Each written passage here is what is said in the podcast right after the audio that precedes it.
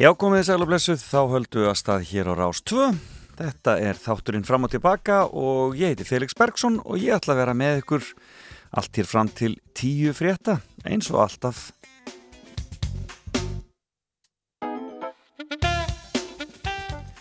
Og e, það er bara dásanett veður hér á höfuborgarsvæðinu og hefur verið. Þannig að við erum ánægð og vonum að þið séu sem flest ánægð. Sjá, ég sé nú að það er svona er svona spurning hvernig þetta er annar staðar landi verið kannski gaman að heyra í ykkur með það en, eh, en eh, það svona það verður svona skíja hjá okkur í dag sko stið hérna e, söðu vestanlands en svo fer sólun að skína viða svona eftir því sem líður á. Þetta svona kemur allt saman smám saman. Og já bara frekar svona uh, sóluríkt viða á landinu. Mér sýnist að norð-vesturhóttnið verði í góðum málum í dag. Eða En uh, það verður mikið hláttur hjá mér eins og alltaf og ég fæ hér góðan gest eitthvað sem ástund í fimmuna. Það er hann Fríman Gunnarsson, bóhem og sjónvastjarnar, já og ljóðskáld sem ætlar að uh, uh, ræða við mig og fara með mér í fimmu sem að heitir einfallega fimm sorglegustu fráföllin, hvorki mér enn í minna. Það verður spennandi að heyra hvernig það kemur allt saman út hjá honum og uh, kannski heyrum við eitthvað aðeins af þáttunum hans í sjónvarpinu þar sem hann leitar að menningar lífi á landsbyðinni uh, það eru mjög áhugaverðir svo ekki sem er að sagt. Síðan eftir nýjafrétnar þá ætla ég að uh, ringja át í bæ og ætla að ringja hana Marju Helgu Guðmundsdóttur karatekennara þýðanda fyrirhundið formann samtakana 78 heyra hans í einn ljóðið svona hvernig ég hvernig karate fólki líst á þetta ástand eins og það er núna. Og svona bara hvað hún sé að þýða þessa dagarni til dæmis, það er svolítið spennandi. Hún er alltaf að þýða eitthvað skemmtrið í sjónvarpunni og hver er svona uppáhaldstættinn hennar? Og svo er ég ákveðin ég að ringja í Amalisbat dagsins líka. Eh, finna eitthvað gott Amalisbat þess að heyra í hér og eftir. Það eru mar margir kallaðir fár útvaldir. Kemur í ljós á eftir hver það er en uh, svo er það lag dagsins og ég er aðeins búin að vera að leika mér með íslensku söngleikina. Eh, hér er lag sem að heyrist mjög sjaldan á Rástvö og kannski þetta verði ég fyrsta og eina skipti sem það heyrist hér. En þetta er einhver albesti íslenski söngleikurinn. Eh, heitir Skilabóðaskjóðan er raunabarnalegrið en það eru margir sem að elska þessa tónlist. Og þetta er úr upprannulegu síningunni og hér syngja meðal annars já, eitt af Amarisböðum dagsins Stefán Jónsson og Margrit Guðmundsdóttir. Við dvergar erum dálit Dálitlir, dálitlir. Dumiklir og smálitlir. Smálitlir. Sniðugir og snjallir. Og snillingar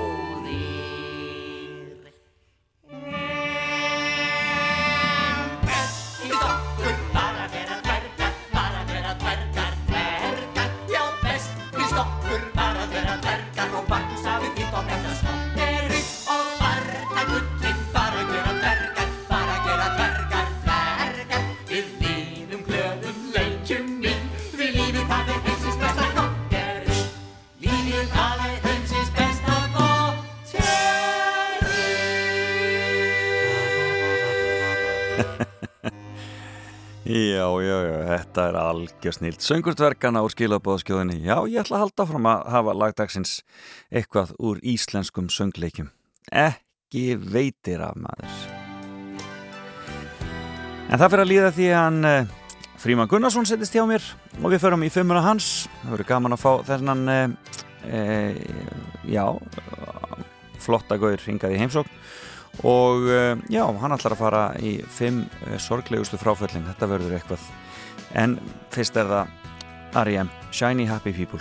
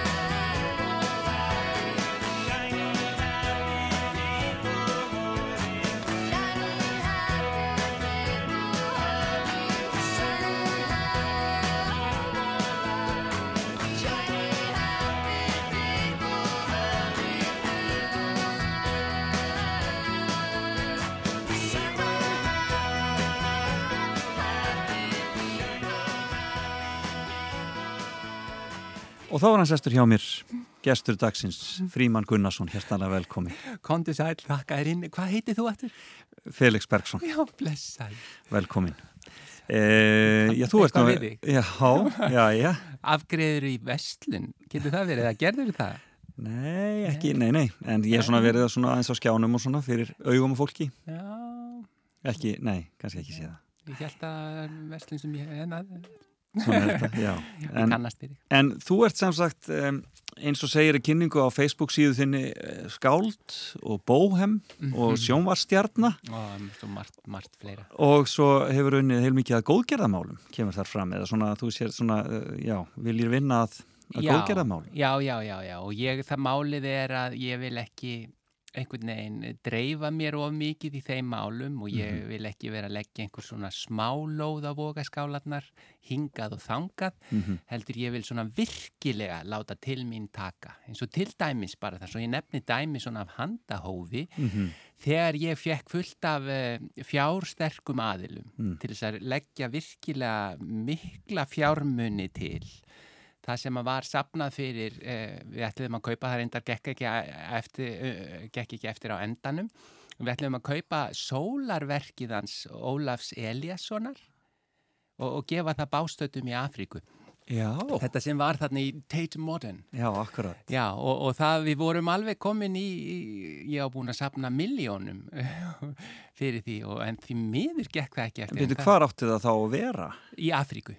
En hvar í Afríku? Það, átti eftir að finna stað, Já. bara einhvern góðan stað þar sem það myndi njóta sín vel. Já. Því að það, auðvitað er þetta heimsálfa sem að þekkir eh, auðvitað sólina vel. Já, já, og auðvitað kannski allt og mikið Mhm. eins og er augljóst en, en, en eh, það er allt og heitt þar ég fer ekki þangað, ég hef einu sinni farið þangað Já, Já, eh, en, en þetta hefði helst á einhverjum stað þar sem að fólk fær annars ekki að njóta lista af ýmsum ástæðum. En það gerist ekki? Ekki það nákvæmlega, nei, Nei. en það bara sýnir stórhug minn í, Já. svona málum. Og svo náttúrulega ertu búin að vera í bókaútgáfu, þannig að það er, Já, þannig að það er spennandi. já, Þess. Þannig ég sá þarna viðtala við Egil sem að rataði ekki, ekki kiljuna. Nei, nákvæmlega. Þarna komum við að uh, því sem ég, þessum margfræga vegg, uh, það hefur verið talað um glervegg eða glerþak eða eitthvað slíkt, en fyrir mér er þetta bara múr sem er reistur upp aftur og aftur til að halda mér, uh, það er risilista, ég held að ég þarf ekkit að vera að tyggja þessu oftar hér en það er þarna. Verið að vinna leint og ljóst gegn því að ég nái framgangi. Já, meðal til dæmis uh, já, já, ég ætla ekki að segja jafningja heldur einu sinni, ég ætla ekki einu sinni að leggjast svo látt en, en uh, lista elita innan gæsalappa. Leitt að heyra. Leitt að heyra. Bítar. Já, já, við skulum ekkit fara nánar út í það því að fólk er ekki hér til þess að, verja sig en við skulum þá bara fara í fimmuna þína. Og það er, það er hún. Já, hún er dramatísk þessi fimma þín. Ó já, ó já. Ég, Sorglegustu- Það er gott að við byrjum á léttunótonum því, því að nú erum við að fara í daldið erfiða hluti. Já, sorglegustu fráföllin. Þetta er Já. smáræði. Og er þetta, er þetta, þetta eru semst persónuleg persónulega sögur sem þú ætlar að segja okkur þá hér? Já, já, þetta er allt persónulegt. Uh, þetta eru svona þær manneskjur sem að ég hef metið hvað mest í lífinu Mhm. sem hafa fallið frá. Við þá að byrja bara á fyrsta, fyrsta fráfalli kannski sem að Já, við það auðvitað kannski mun ekki koma mörgum á óvart. Mm Sir Winston Churchill. Já, hann auðvitað fjall frá, ég ætla ekki að segja endilega langt fyrir aldur fram. Mm nei. Hann auðvitað var kannski sattur lífdaga mm eitthvað slíkt eða, ef, ef ég geti orðað það á svona smekklegan hátt, mér Mhm. kemur ekki neitt til hugar eins og er en, en, en þið, þið takki viljan fyrir verkið. En auðvitað sá maður það sem að hann gerði og það sem að fyrst og fremst ég kunni svo að meta við hann, hann var svo hann var svo vel gefinn. Já, já. og hann auðvitað hann lést þarna 1965 já, sem er, ég ætla nú ekki að gefa upp hvað, minn aldur. Nei. Þetta er áður en að ég kem svona til vits og ára eða, eða jafnvel kem til. En, en ég upplifði hans fráfall svo stert þegar ég loksins eh, heyrði af því. það hefður viljað hitt hann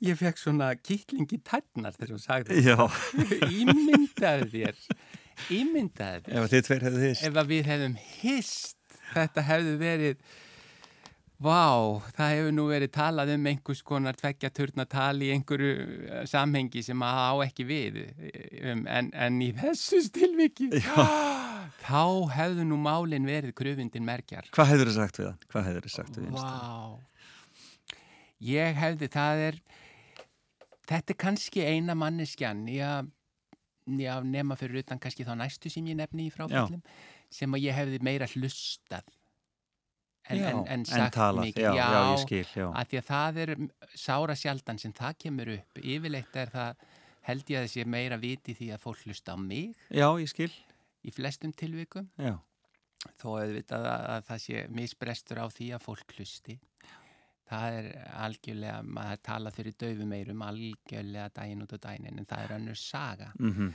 það sem að ég, vá, ég hefði bara líka þó ég í rauninni ég er mjög viðkvæmur og með viðkvæma ég, ég, ég er mjög lykt næmur já, já og, og er ekki hrifin af e, tóbaksreik mhm, En ég hefði svoleiðis dreigið djúft að mér andan þegar hann hefði, að því hann hefði örglega verið með einn stóran sem hann væri búin að þýra upp í við Akkurat. værim ábyggilega að drekka eitthvað lámark átján ára eh, eitthvað gott konjak eða, eða, eða já, ég, hefði látið hann ráða algjörlega því hann þekkti þetta algjörlega út the finer things in life Finer things, sem akkurat. sást auðvitað aðeins á vakstalægi hans en, en það alls ekki ég er fat shaming er ekki eitthvað sem ég myndi fara út í nokkuð tíman og alls ekki með hann. Nei, einmitt.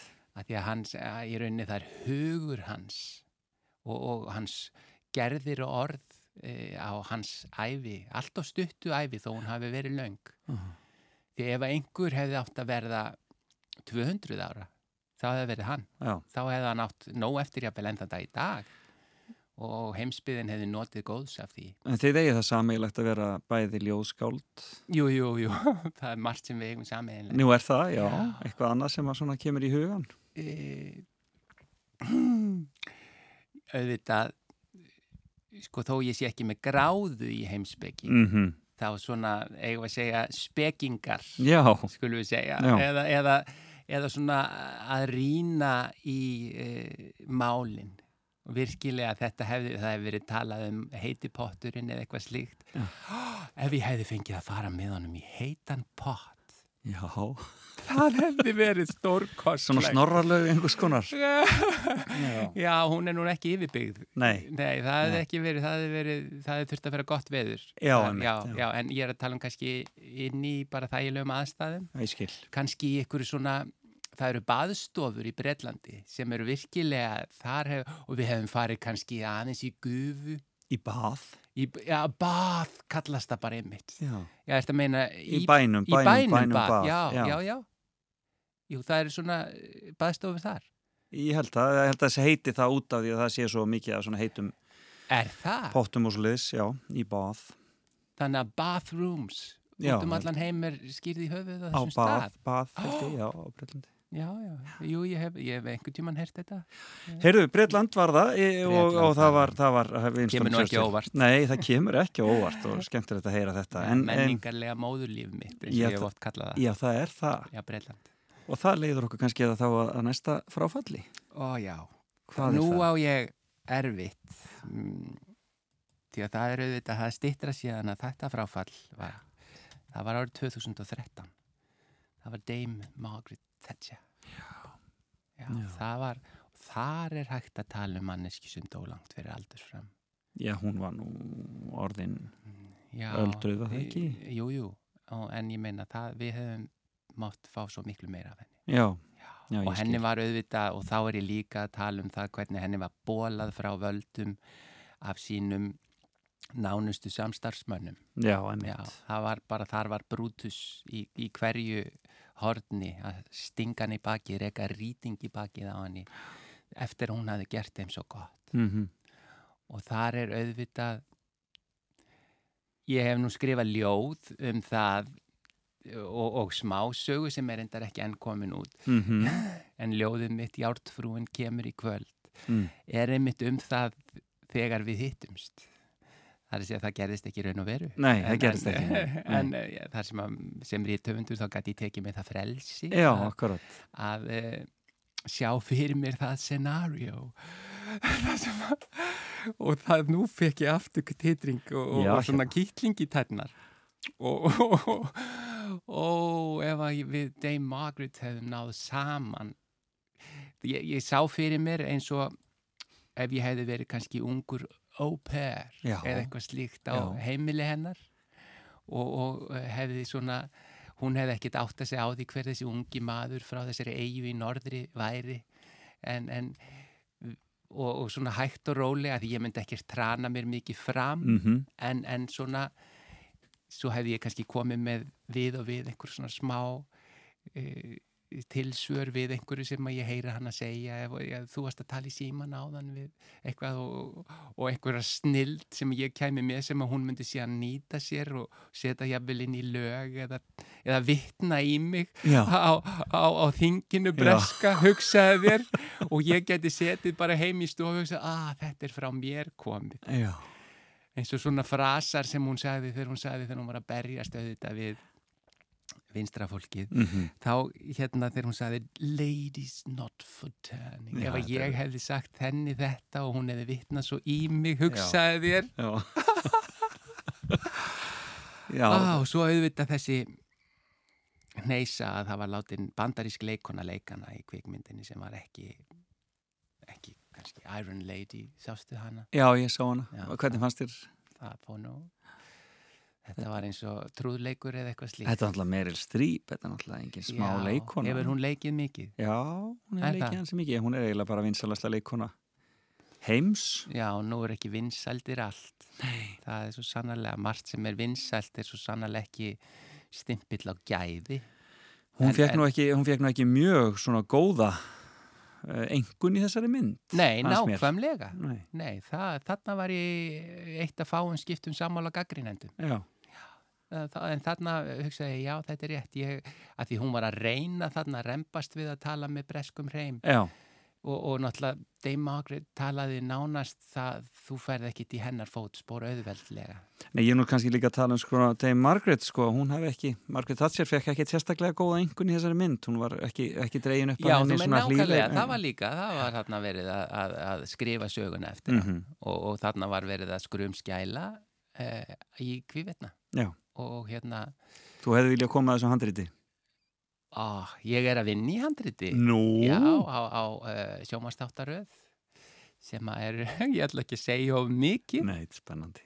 En það mun vera svona lofsöngur eigum að segja Þú ert maður margra verkefna, ég segi nú ekki Ó, annað já. sko. Er nóg í gangi. Já, þessna hef ég stundum kallað mig þúsund þjálasmið Hvar varstu í Breitlandi þegar þú varst þar? London. Þú varst í London og, og hva, hvað gerður þú þar? Hvena, í- hvena var þetta? Þetta var já, aftur vil ég ekki vera of nákvæmur kannski upp á Já, ég hef ekki gefið upp aldur minn hinga Nei, til nei, svona nei. gentleman doesn't reveal his age segi ég, nor wait þannig ég hef ekki heldur gefið upp uh, hvað, hvað, hvað ég vikta en ég, ég mæli alltaf samt vikt mína eða þyngd mína í, í stones Þú gerir það? já, bara eins og, já, minnst kíló en doldið volgar Já, það er svo hátala. Já, það er miklu betra að manni líður betur þegar maður skoðar hvað maður er margir steinar. Akkurat, einmitt, já, skemmtilegt. Já, já. Þeir hafa ekki viljað fara í þetta, breytarnir að, að, að binda sig við þessar við kílóinn og, og metran og það allt saman. Ef þú ert með fullkomi kerfi tilkast alltaf breyta því Nei, nei, það er rétt, Ha, það er það, það er rétt. já, já, en ég var þarna við nám í London School of Politics. Já, já, já. Það er, og það er ég er, já, ég ætla ekki að nefna þetta hér en, en það er, það hafa verið sögur um það að ég hafi ekki klárað þetta nám Já. og það er auðvitað, ég er löngu búin að leiðrétta það Já. og ég hef, uh, ég get sínt fram á það en ég, mér finnst það bara ekki koma málinu við að, Þetta er- að vera að byrta prófskýrstinni og annað, mér finnst það niðrandi fyrir þá sem eru að vekja máls að já, ég þurfa að niðurlæga það með því þannig að þannig ég hef svona haldið mig utan þeirra umræði ég hef ekki heyrt um þennan skóla hann að London School of Politics aldrei heyrt um þennan skóla. ha- þetta er virtasti skólinn á þessu sviði sko. Er það? Já, já, já, já, Já, já, já, guð mig góður. já.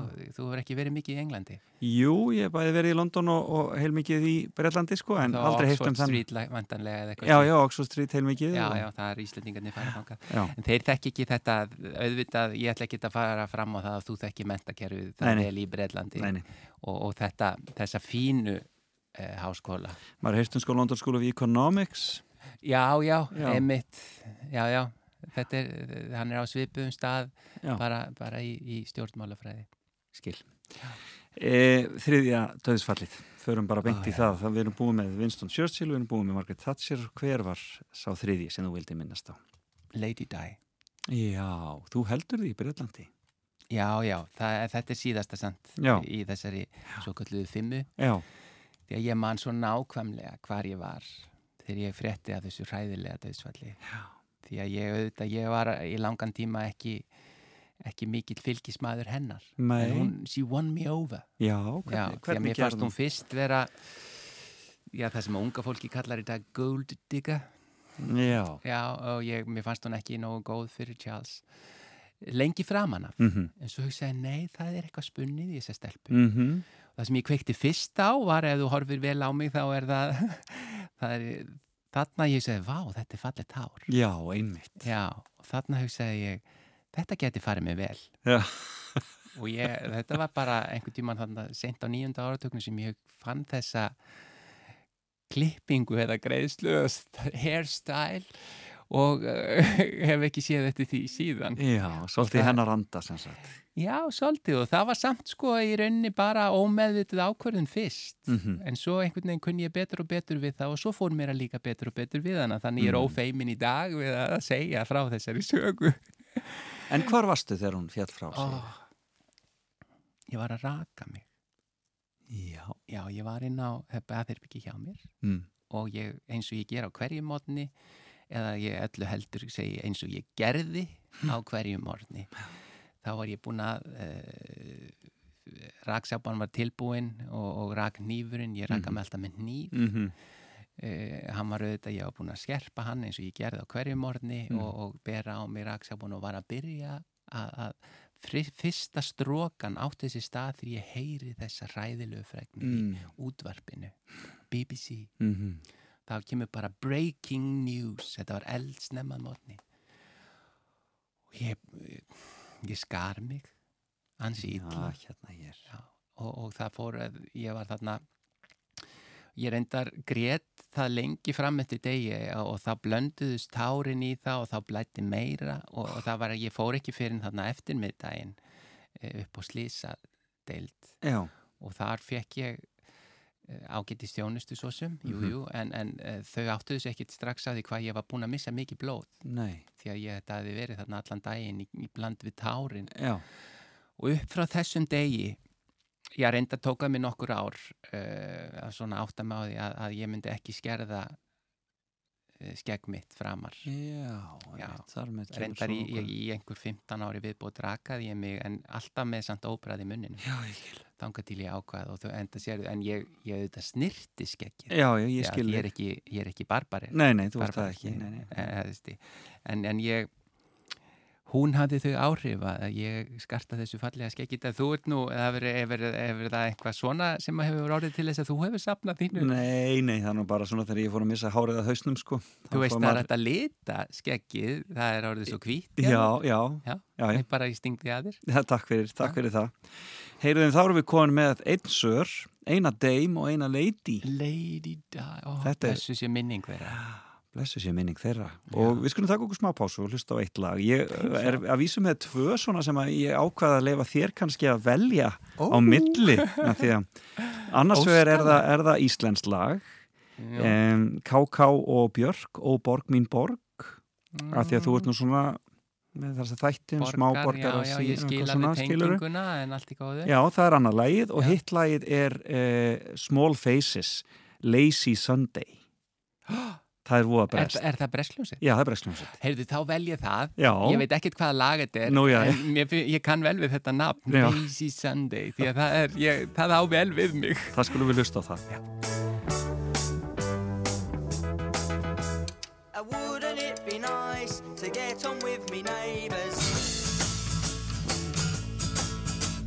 they make it very clear they've got no room for ravers.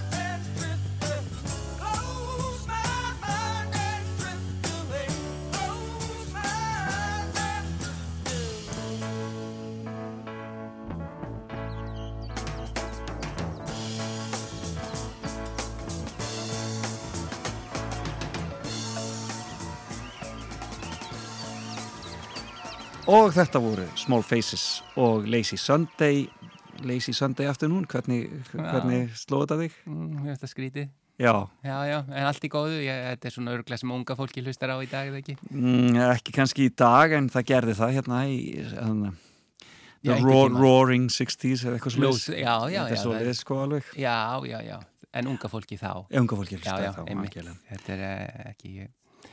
Ég, hefði beðið um elgar eða eitthvað slíkt. ég hefði- Já, ég skil, ég skil, já Það er kannski ekki alveg rás á tvö tónlist en það er annað mál Við Erum að við á rás 2 Við erum á núna? rás tvö núna Ó, og Ég eh, held að þetta væri rás 1. Nei, nei, við erum á rás 2 og þetta er Fríman Gunnarsson sem situr hér hjá mér Já. og við erum að fara saman í gegnum fimmuna og það, fimman hans er fimm sorglegustu fráföllin á hans ævi og uh, við erum búin með Winston Churchill ekki alveg á hreinu hvort að hann dó áður eða, eða eftir að þú Já, fættist við bara, við þurfum ekki að nefna það frekar. Nei, nei, Ég- og síðan var það, var það þarna, Dame Margaret Thatcher og svo Ég Lady upplifði Di. það, uh, hans uh, fráfall Já, eins og það hafi gerst á meðan Ég skil þig. var, já, ég skil þig, skil þig.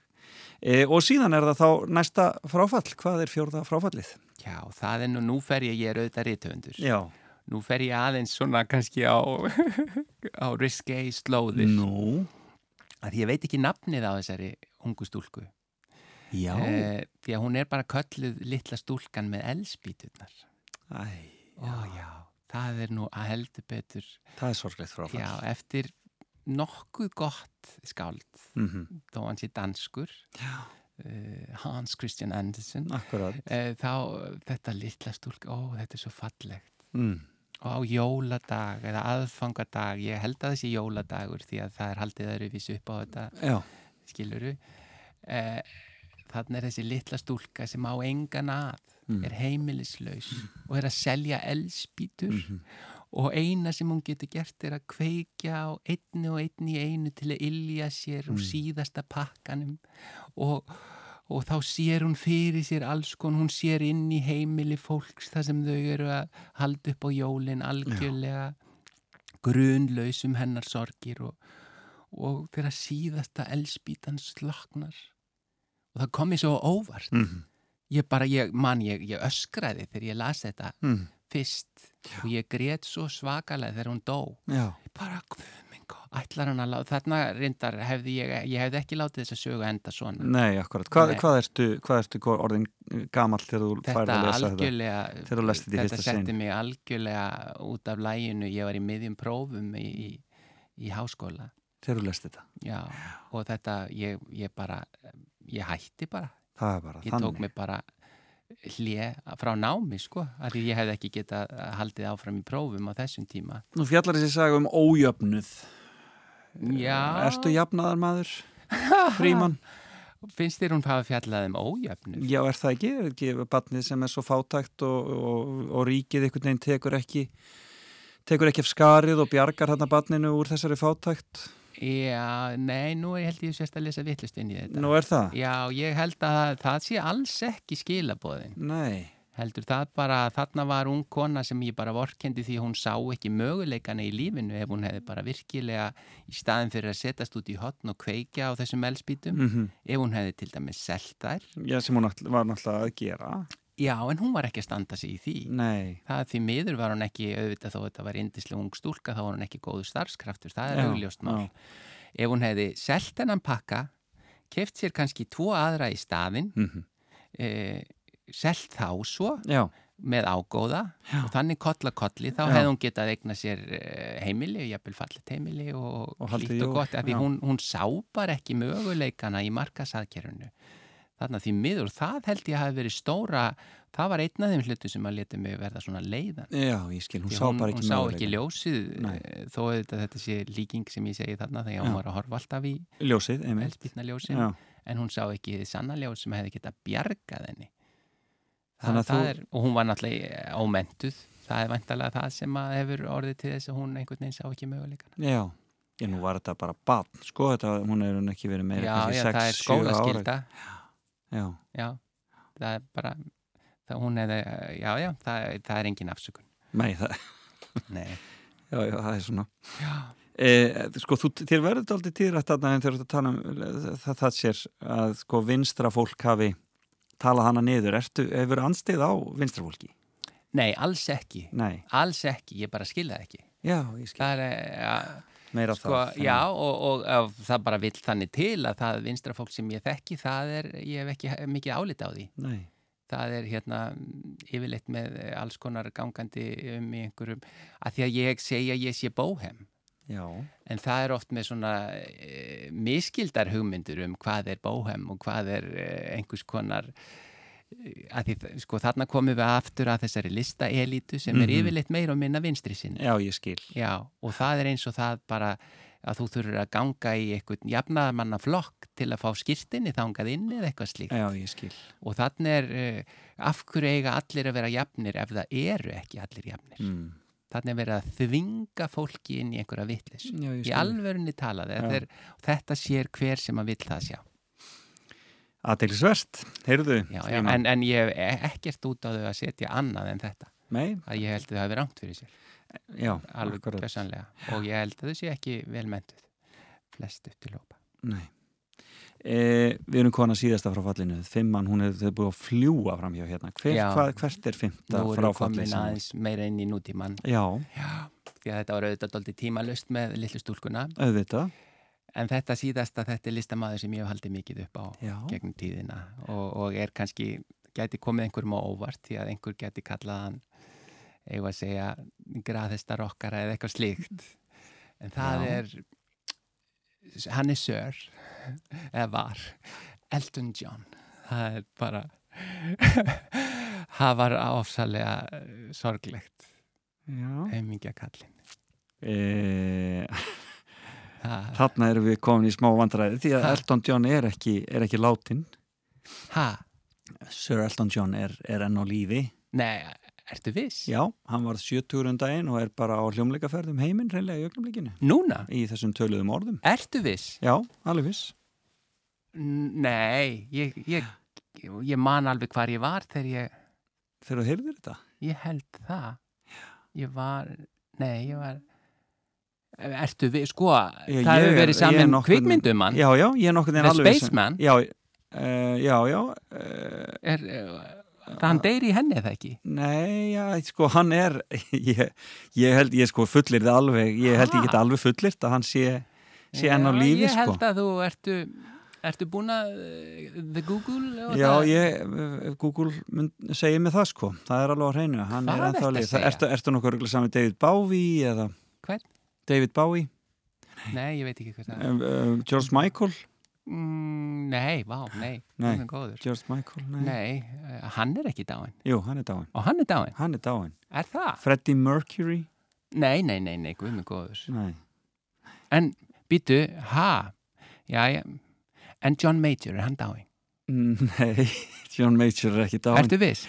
alveg viss, Ó, alveg viss að, þetta kemur mér á óvart. Já, þetta er svona Ég var búin að meiri sér setja allar spólurnar, ég á, ég á ekki geislaspilara eða neitt Nei. slíkt, ég á, á bara svona sound tapes. mm -hmm.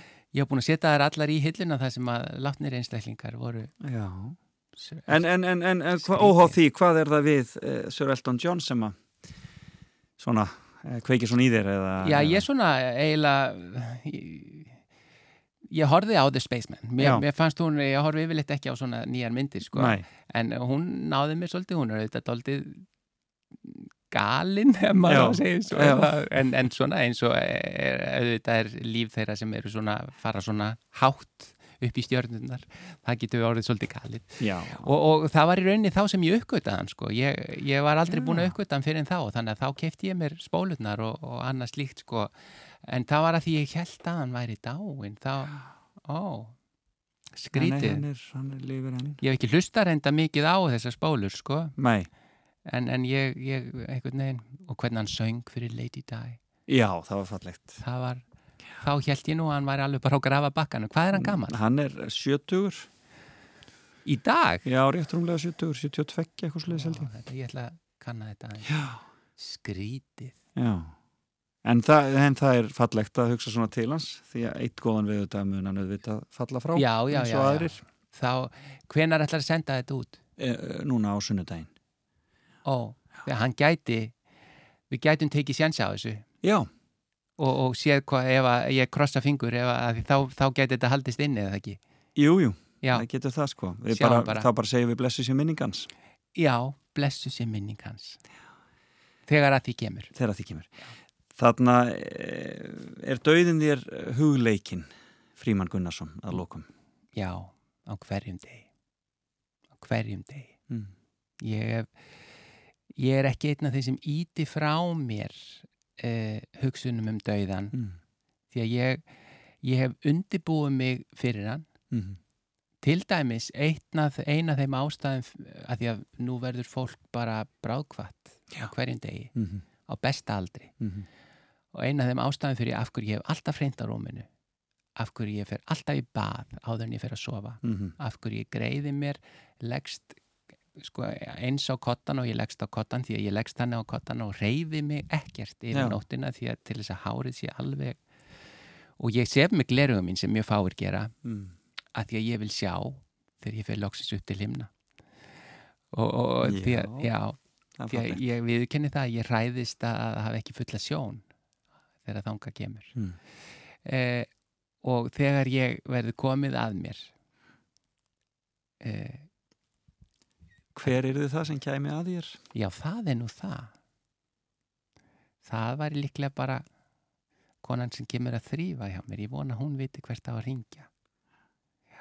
það væri gott ef það væri þá ef þetta væri á, á þriðudagskvöldi því Já. hún kemur á miðvikudöfum Mhm. til mín Mhm. og þá væri ekki komin kannski já, er reyndar það ætti nú ekki að koma vond lykt myndi ég halda. Ekki strax ekki, á- ekki, svona, strax. ekki á Nei, nei. nokkrum dögum bara það. Ekki strax, nei, nei, nei, nei. og þá gæti hún ég þarf að kenna henni, já, að, þetta er góðu punktur ég þarf að benda henni á hvert hún á að ringja því að hún talar ekki íslensku. Við skulum, við skulum láta þetta gott heita. Já, Það er uh, tíminn flógin frá okkur. Tíminn er flógin eins og þetta segið þið mikið í útarpinu Svolítið. Eigum að enda þetta á Sör Elton Læginu sem hann söng fyrir díunu gerum það, blessu sér minning hans Candle in the Wind Goodbye, England's rose. May you ever grow in our hearts. You were the grace that placed itself where lives were torn apart. You called out to our country and you whispered to those in pain. And the stars spell out your name. And it seems to me you lived your life like a candle in the wind, never fading with the sunset when the rain set in. And your footsteps will always fall here along England's greenest hills. Candles burned out long before your legend ever will.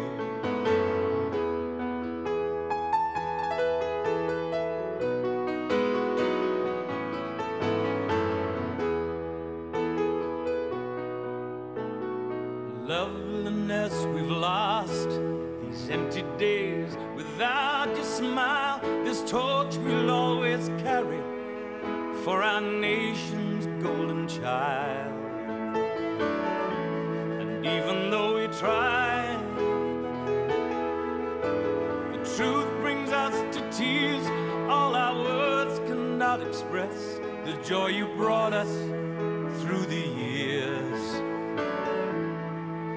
And it seems to me you lived your life like a candle in the wind, never fading with the sunset when rain set in. And your footsteps will always fall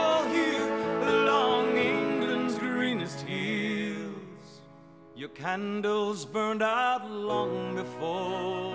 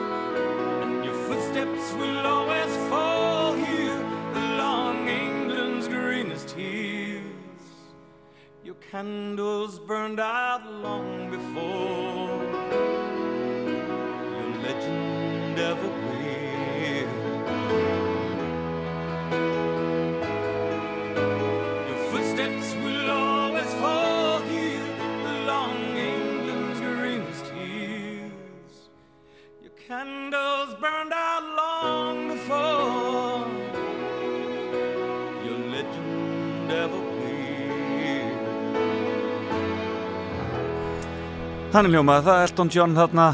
Að vísu enn spreið lifandi en Fríman Gunnarsson farin á braut. Við þökkum honin kærlega fyrir komuna. Sunnudags sæla á rástfö fram og tilbaka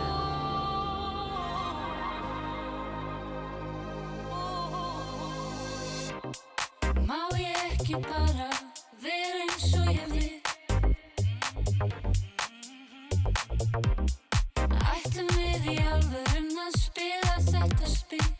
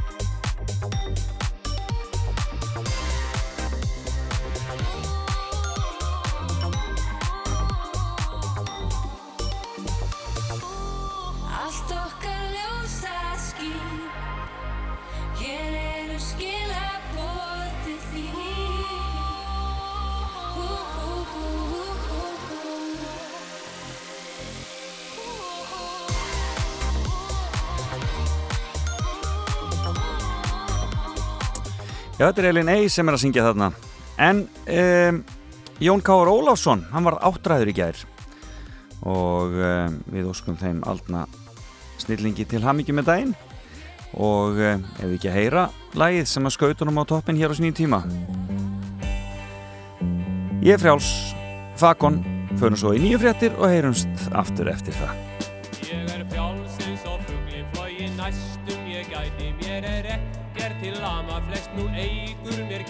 Allsall er ég því orðin ekki kann. Ég mér læti Ég er frjáls, ég er frjáls. Förum út til að fagna Liftum freyðandi skálum Gleð og ánægju aukum Öllum leiðindum kálum. En þó alltaf er hópum Þegar einhvern við skálum Ég er frjáls, ég er frjáls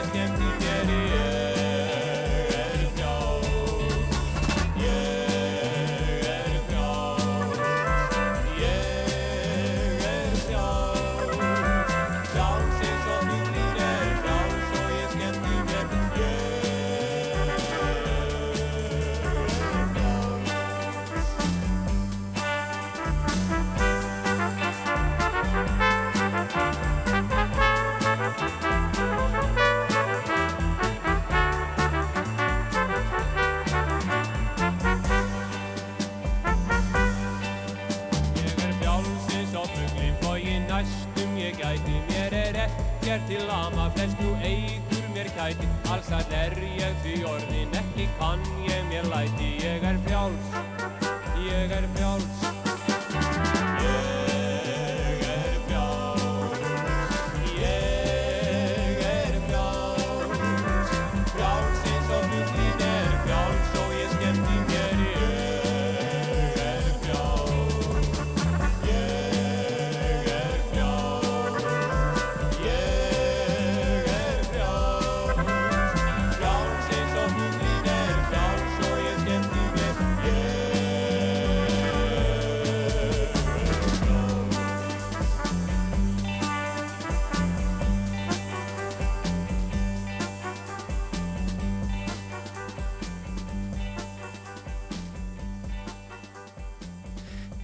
þetta voru Fakon og uh, ég frjáls og Jón Kár Ólafsson þarna fremstur í flokki. En hér eftir nýju þá ætlum við að ringja út í bæ, heyra í henni Maríu Helgu Guðmundsdóttur sem er uh, karatekennari og þýðandi hér hjá okkur og rúf og fyrirnætti formaða samtakana 78 og uh, aðeins að heyri henni ljóðið hvernig fara karatemenn að á þessum tímum og svo auðvitað hvað er uppáhalds þátturinnar og svo er ætla ég að ringja í Amalisbardagsins e, síðar á þeim klukkutíma og e, það er hún í dag. Og það verður bara í ljós á eftir. E, hver það er svona haldi ykkur í smá óvissu og spennu. En við fáum tilkynningarlestur og förum svo í fréttir og heyrumst aftur eftir smá stund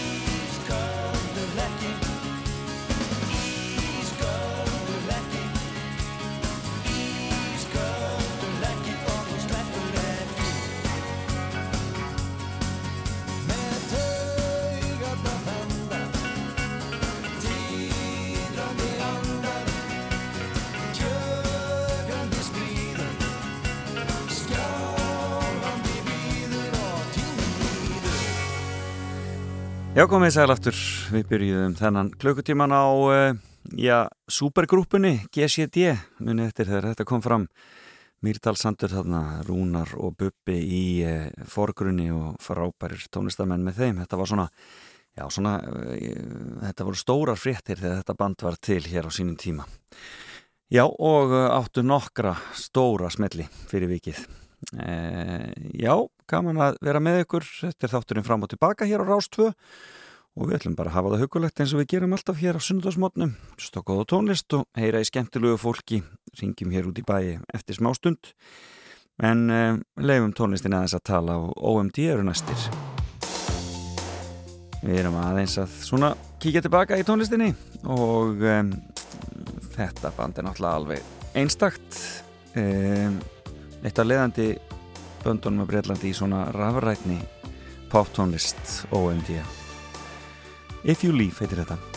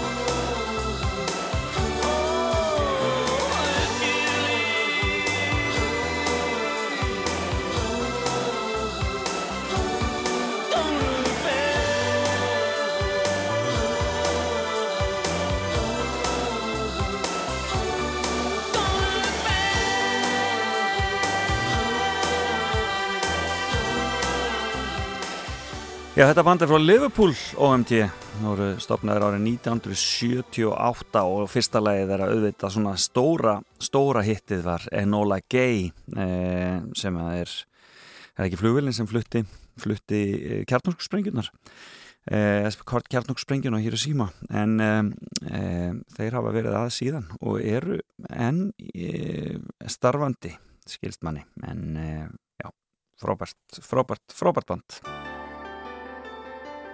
Beint úr efstaleitinu í Reykjavík. Fram og tilbaka á Rástfö.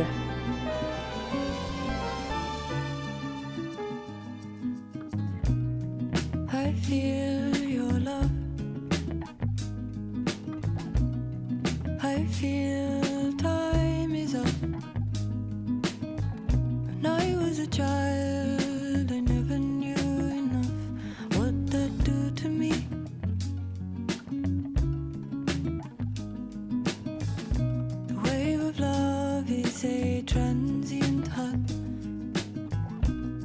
The water's the shell and we are the nut.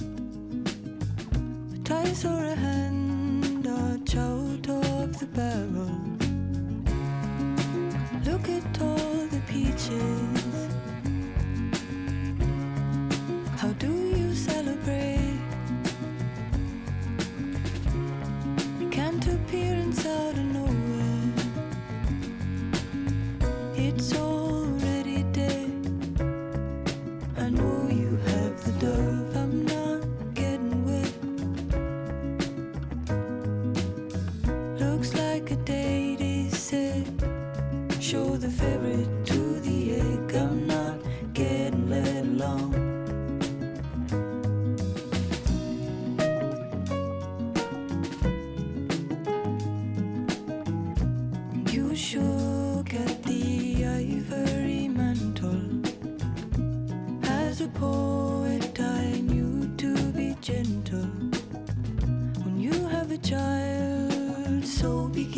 the braiding, and in that braid you stay.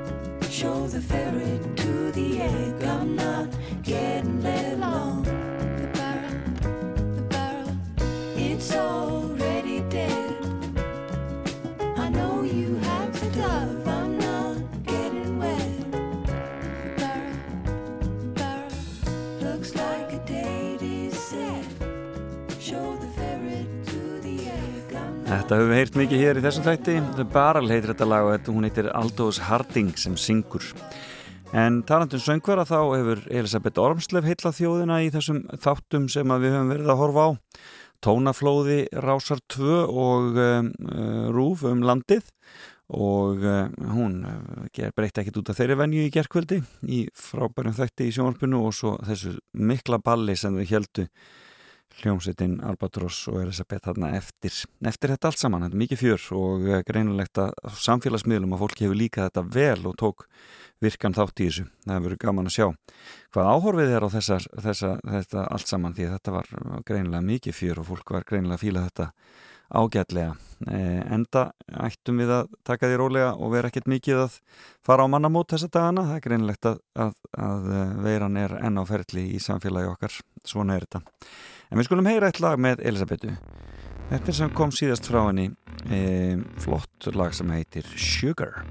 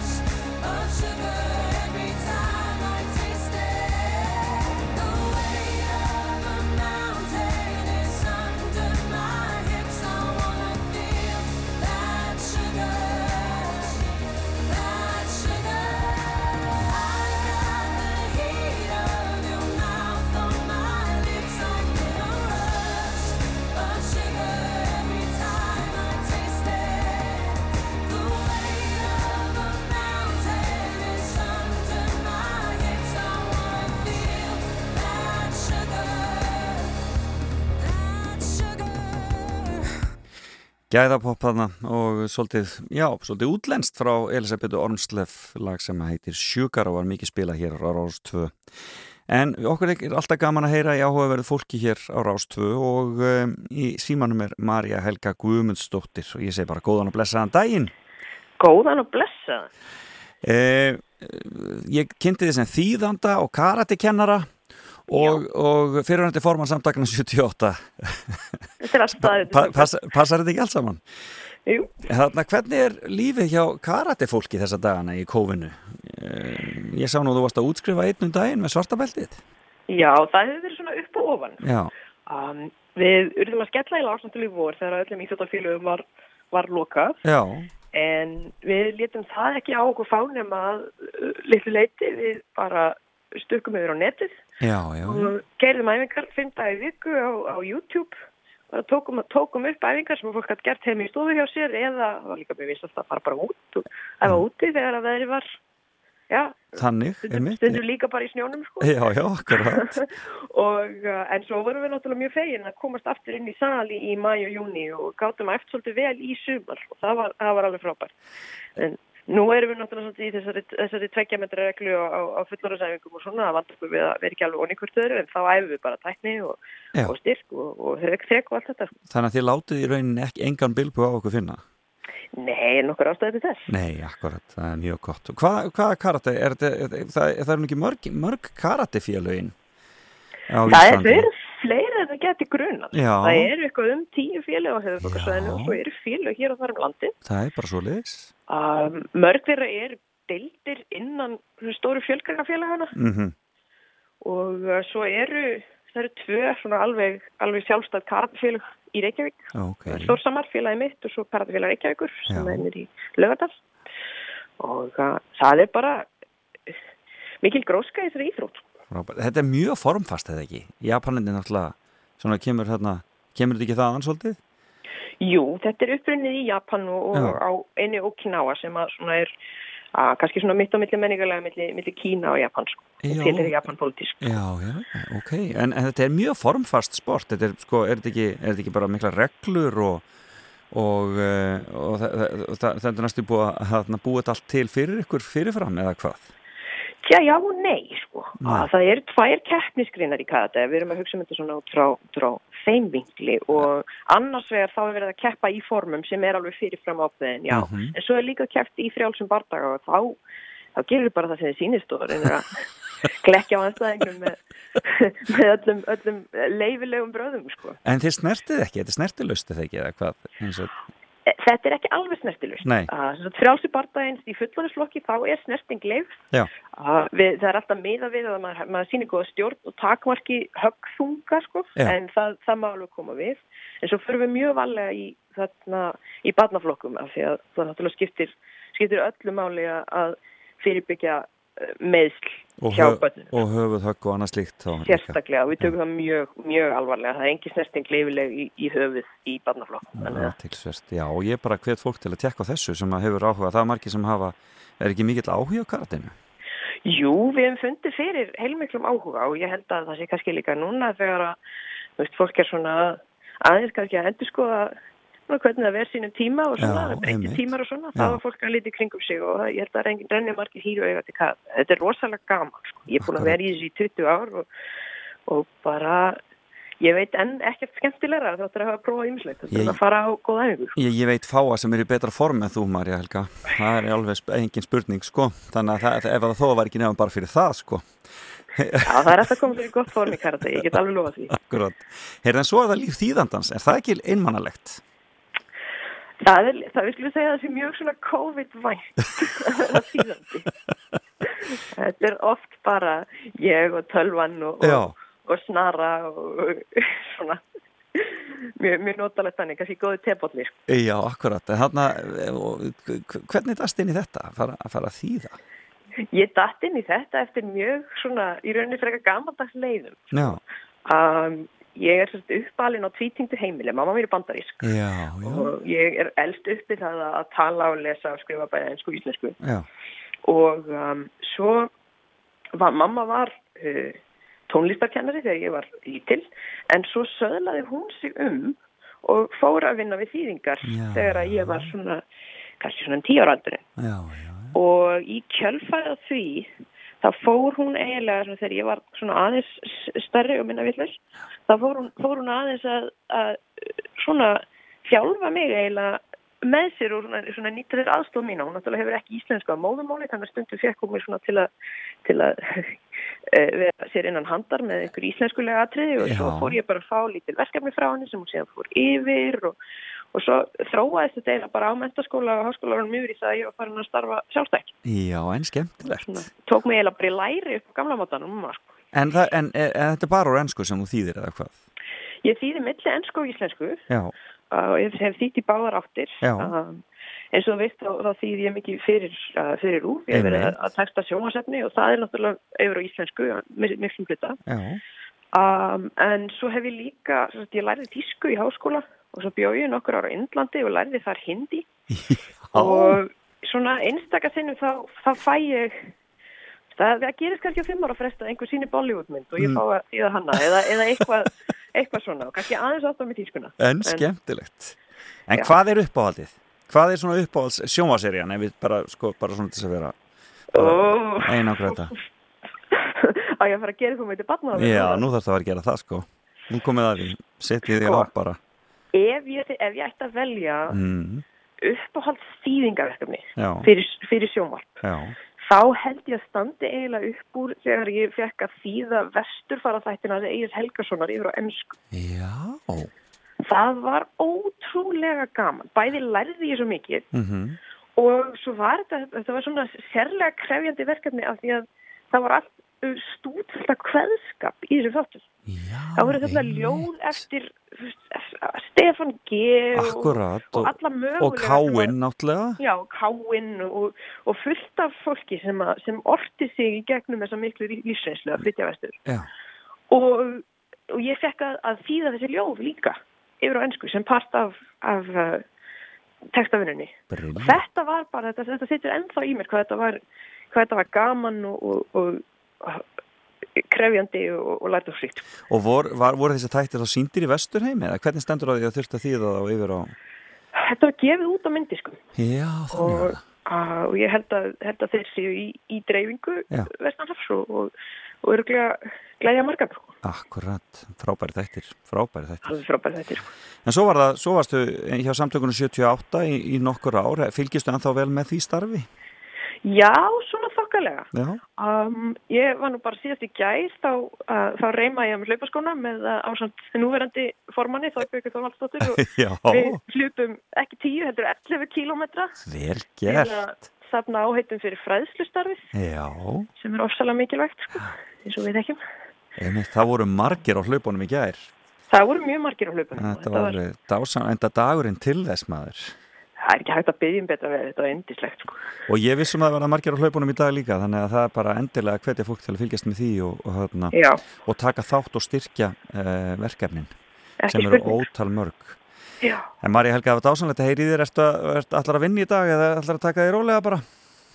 Ég ætla bara að hitta fjölskylduna og fara í bústað hjá frænda mínum og, og, og verða þess fyrir mig þingvelli og, nöta lífsins. Ég segi Ég ætla bara, bara ekki að hlaupa. nei, njóttu dagsins og kæra það ekki fyrir spjallið. Takk sem leiðis. Gaman að heyri þér. Bless, bless. Sömuleiðis. Bless.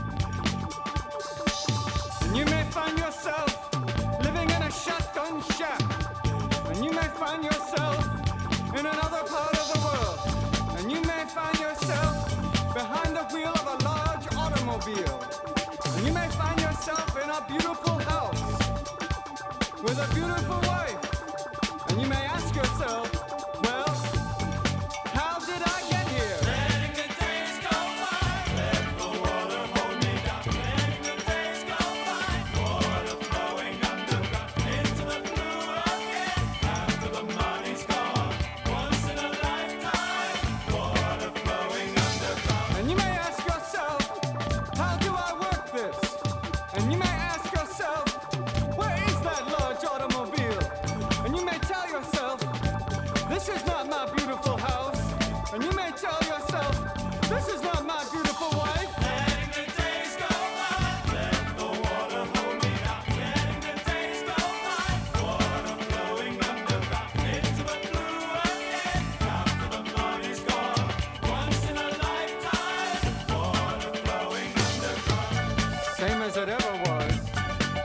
As it ever was.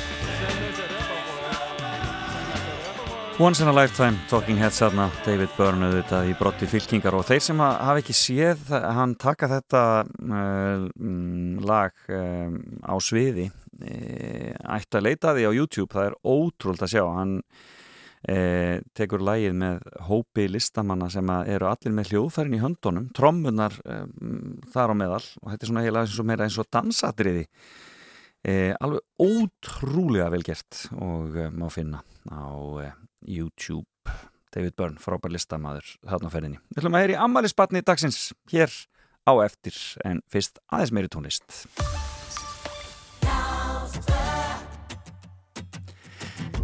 Hér er Reyður Ingi og Leiló frábært lag og nýtt. Aftur heim til þín heitir það Eftir fjögra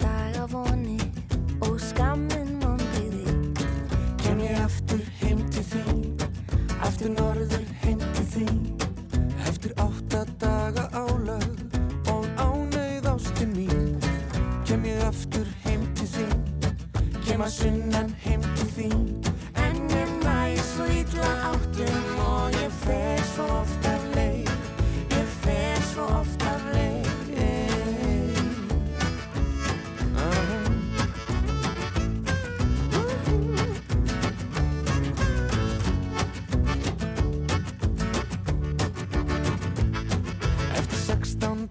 sorki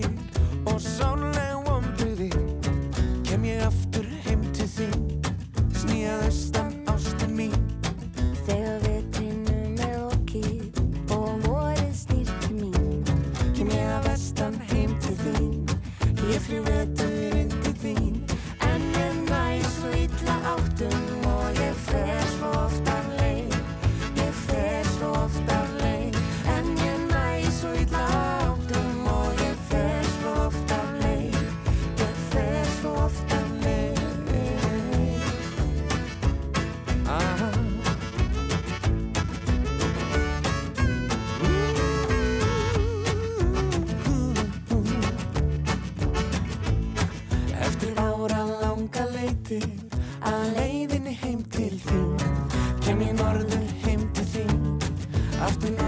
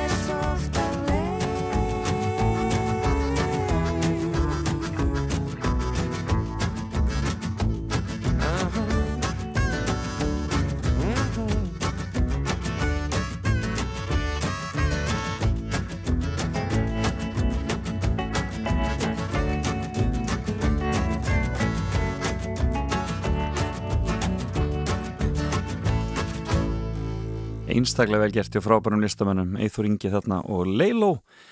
Uh, já, kannski ekki svona, það, svona tónlistarlega par sem maður hefði getað ímynda sér í fljótu bræði en þetta er einstaklega vel gert hjá þeim. Aftur heim til þín og uh, þetta er mikið spila þessa dagana. Uh, Það er verið að spila ústendaleik í meistaradeild Evrópu í kvöld í kallaflokki og það verður hörkuleikur þar sem að Paris Saint-Germain og bæinn München mætast. Og það eru þetta mikið talað um peningana í fótboltanum og svolítið talað um að þarna sé að kannski að mætast svona þessi gömlu evrósku já, eitt ríkasta félagið í Evrópu sem er bæinn München og síðan já, Paris Saint-Germain sem er eiginlega ekki alveg evróst félag því að það er í eigu þeirra í Katar og en það verður spennand að sjá hvernig þetta fer, þarna verður Neymar og Lewandowski aðalmennir í kvöld, þetta verður eitthvað svakalegt. Margir sem munu öruglega vilja fylgjast með því. En um, fáum eitthvað viðbútt og heyrum svo í amælisbarnin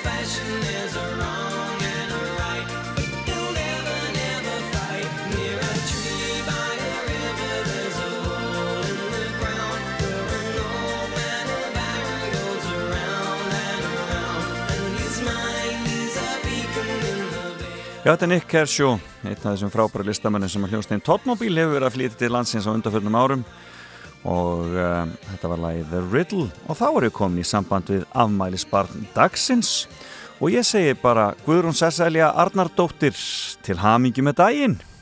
Takk fyrir það, Felix. Gaman að heyri í þér. Sem er leiðis.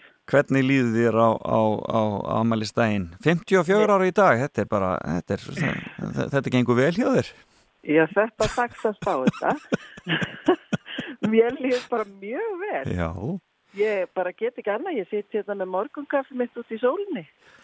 Þú ert náttúrulega lagmaður eins og margir vita og uh, vinnur fyrst og næst í það, en þú hefur aðeins verið að fást við leiklist líka og komst við sögu í, í, í þáttum í sjónvarpinu. Já, mér Já. brá fyrir í ófærð. Já, já, og svo Var Já, var það ófærð og svo var það líka hérna, var það ekki hérna hjá honum Balta í Já, kvikmynd. það var, jú, það var kvikmynd, það var eyðurinn, jú. Það var eyðurinn, alveg rétt. Hvernig, hva, hva, hérna, hvernig stóðu þú að þú, þú hefur verið að, að, Já. að döfla við þetta líka?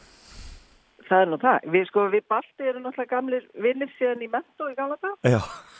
Og mér, ég heyrði söguna þannig að þegar hann og Selma voru að ræða hvað, hvernig típu þyrsti þetta hlutverk lauruglukonnar hérna í einum Já.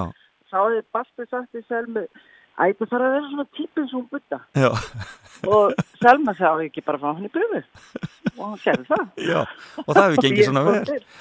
Já, ég allavega, ég sló til og þetta var bara ofsalega gaman. Þetta er aldrei gott og alla leikarni kringu þið náttúrulega uh, Jóhanna Víktis sýsti þín náttúrulega landsfræði leikona og eiginmaðurinn Jóhann Sigurðarsson heimsfræði leikari og svo bara kemur þú og tekur, að, tekur bara aðalhuturkin Já, já, skulum, eða, þetta var nú kannski ekki alveg aðallit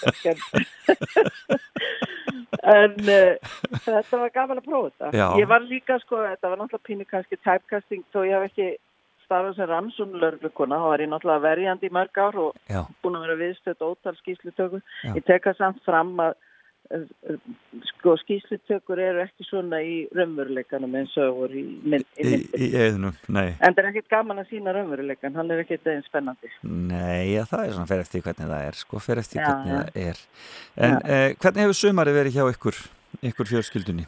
Það er bara búið að vera dásamlegt. Ég, ég er um það byrja að klára fimm vikna sumafrí. Ég hef ekki tekið svona langt sumafrí í einni beit bara í mörg ár En dásanlegt og þetta er bara búið að vera hrein og bein dásam. Hér er bara búið að vera næstu í sól upp á hverta.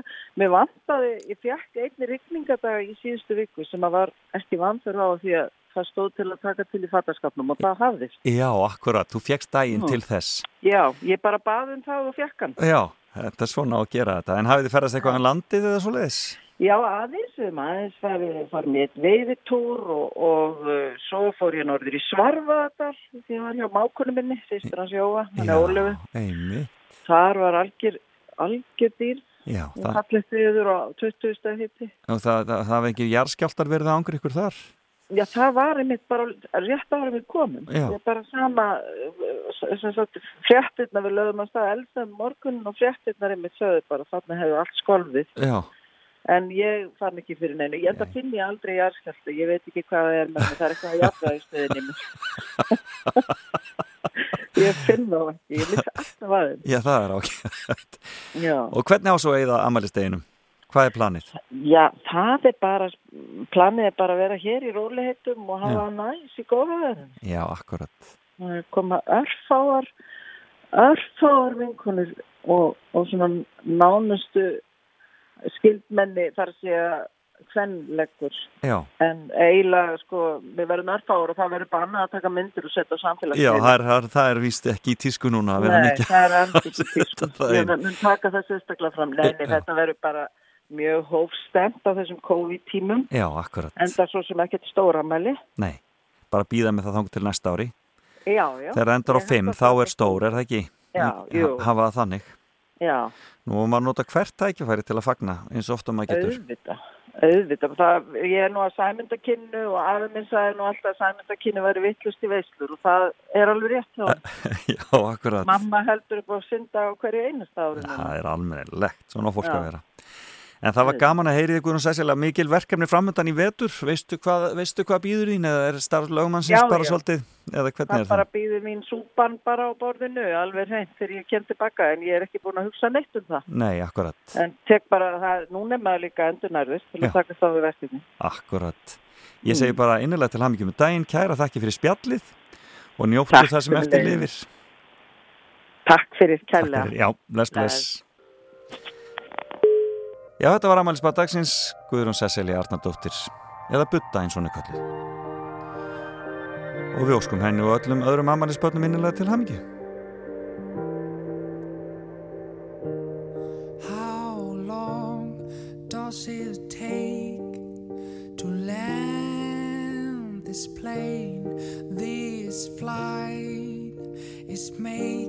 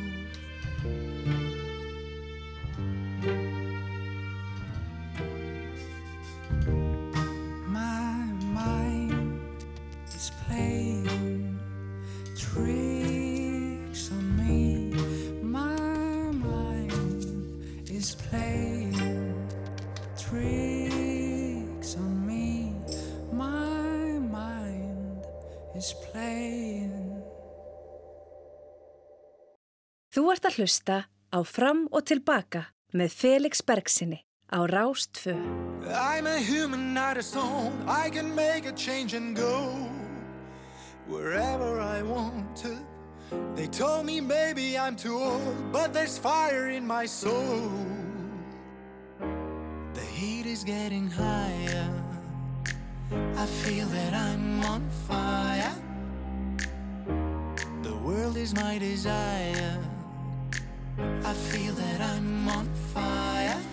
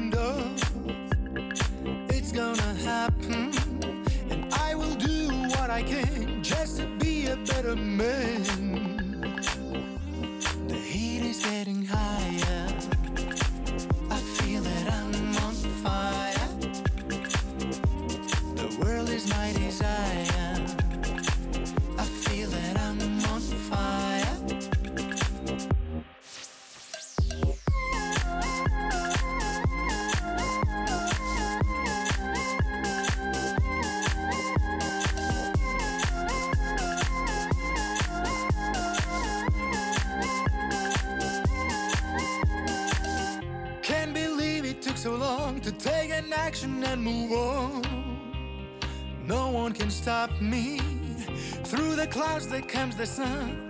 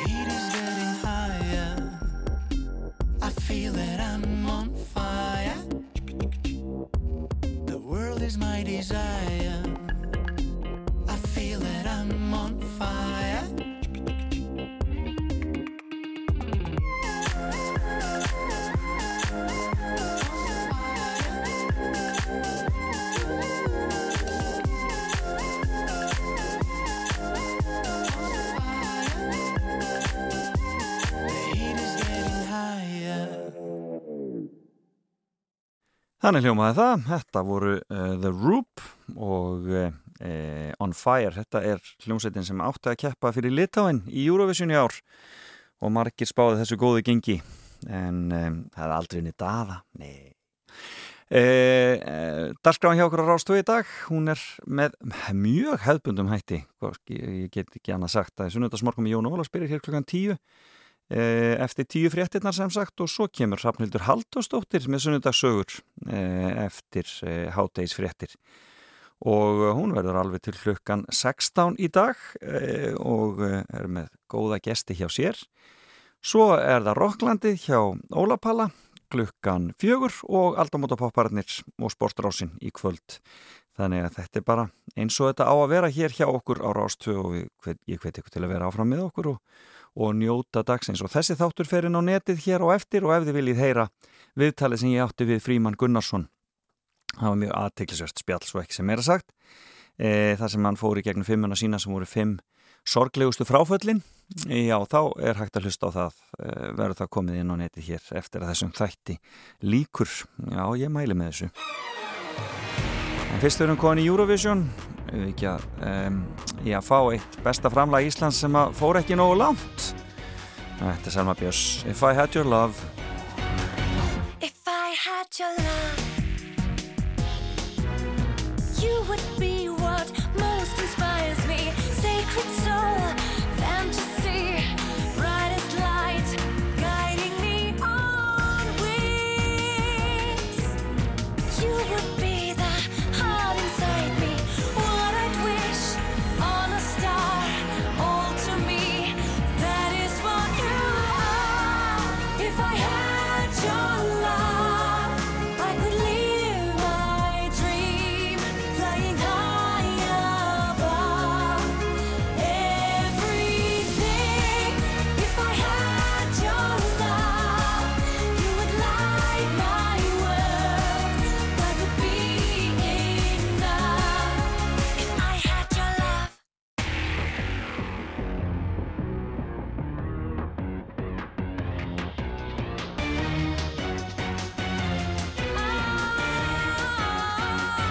If I held you close,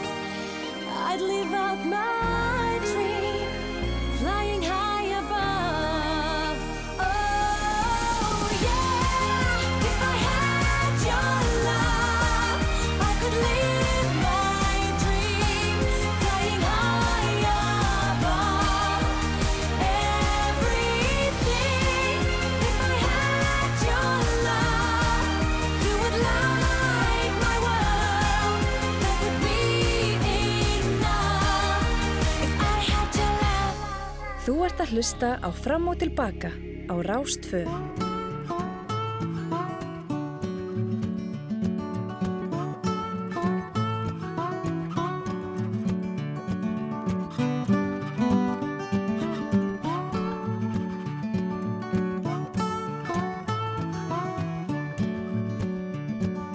Út á öðru leysinu ég ræ Í ró og næði sigli ég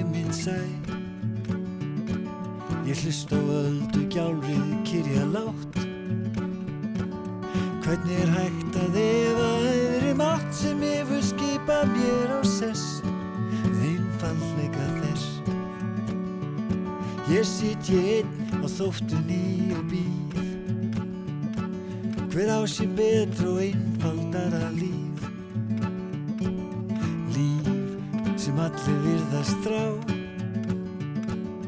Það er það sem allir vilja fá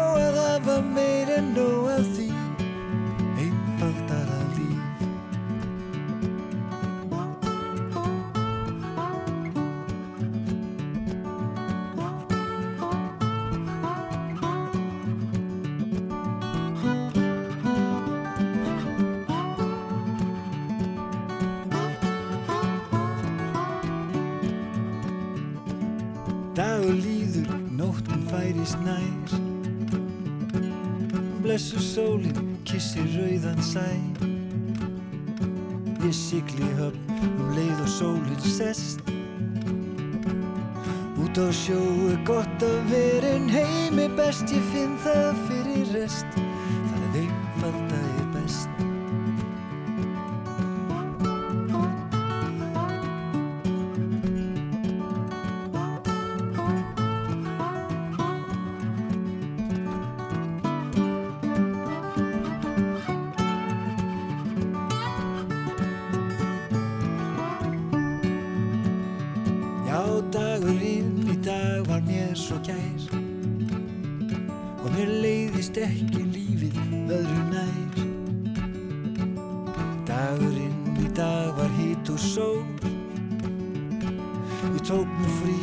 ég ætla að kveðja Jón. Þetta er komið, Jón vill ekki að ég kveðja en ég ætla að gera það. Takk fyrir morgunin, kæru vinir. Þátturum verður komin inn á netið eftir smástund Heyrumst eftir viku, bless bless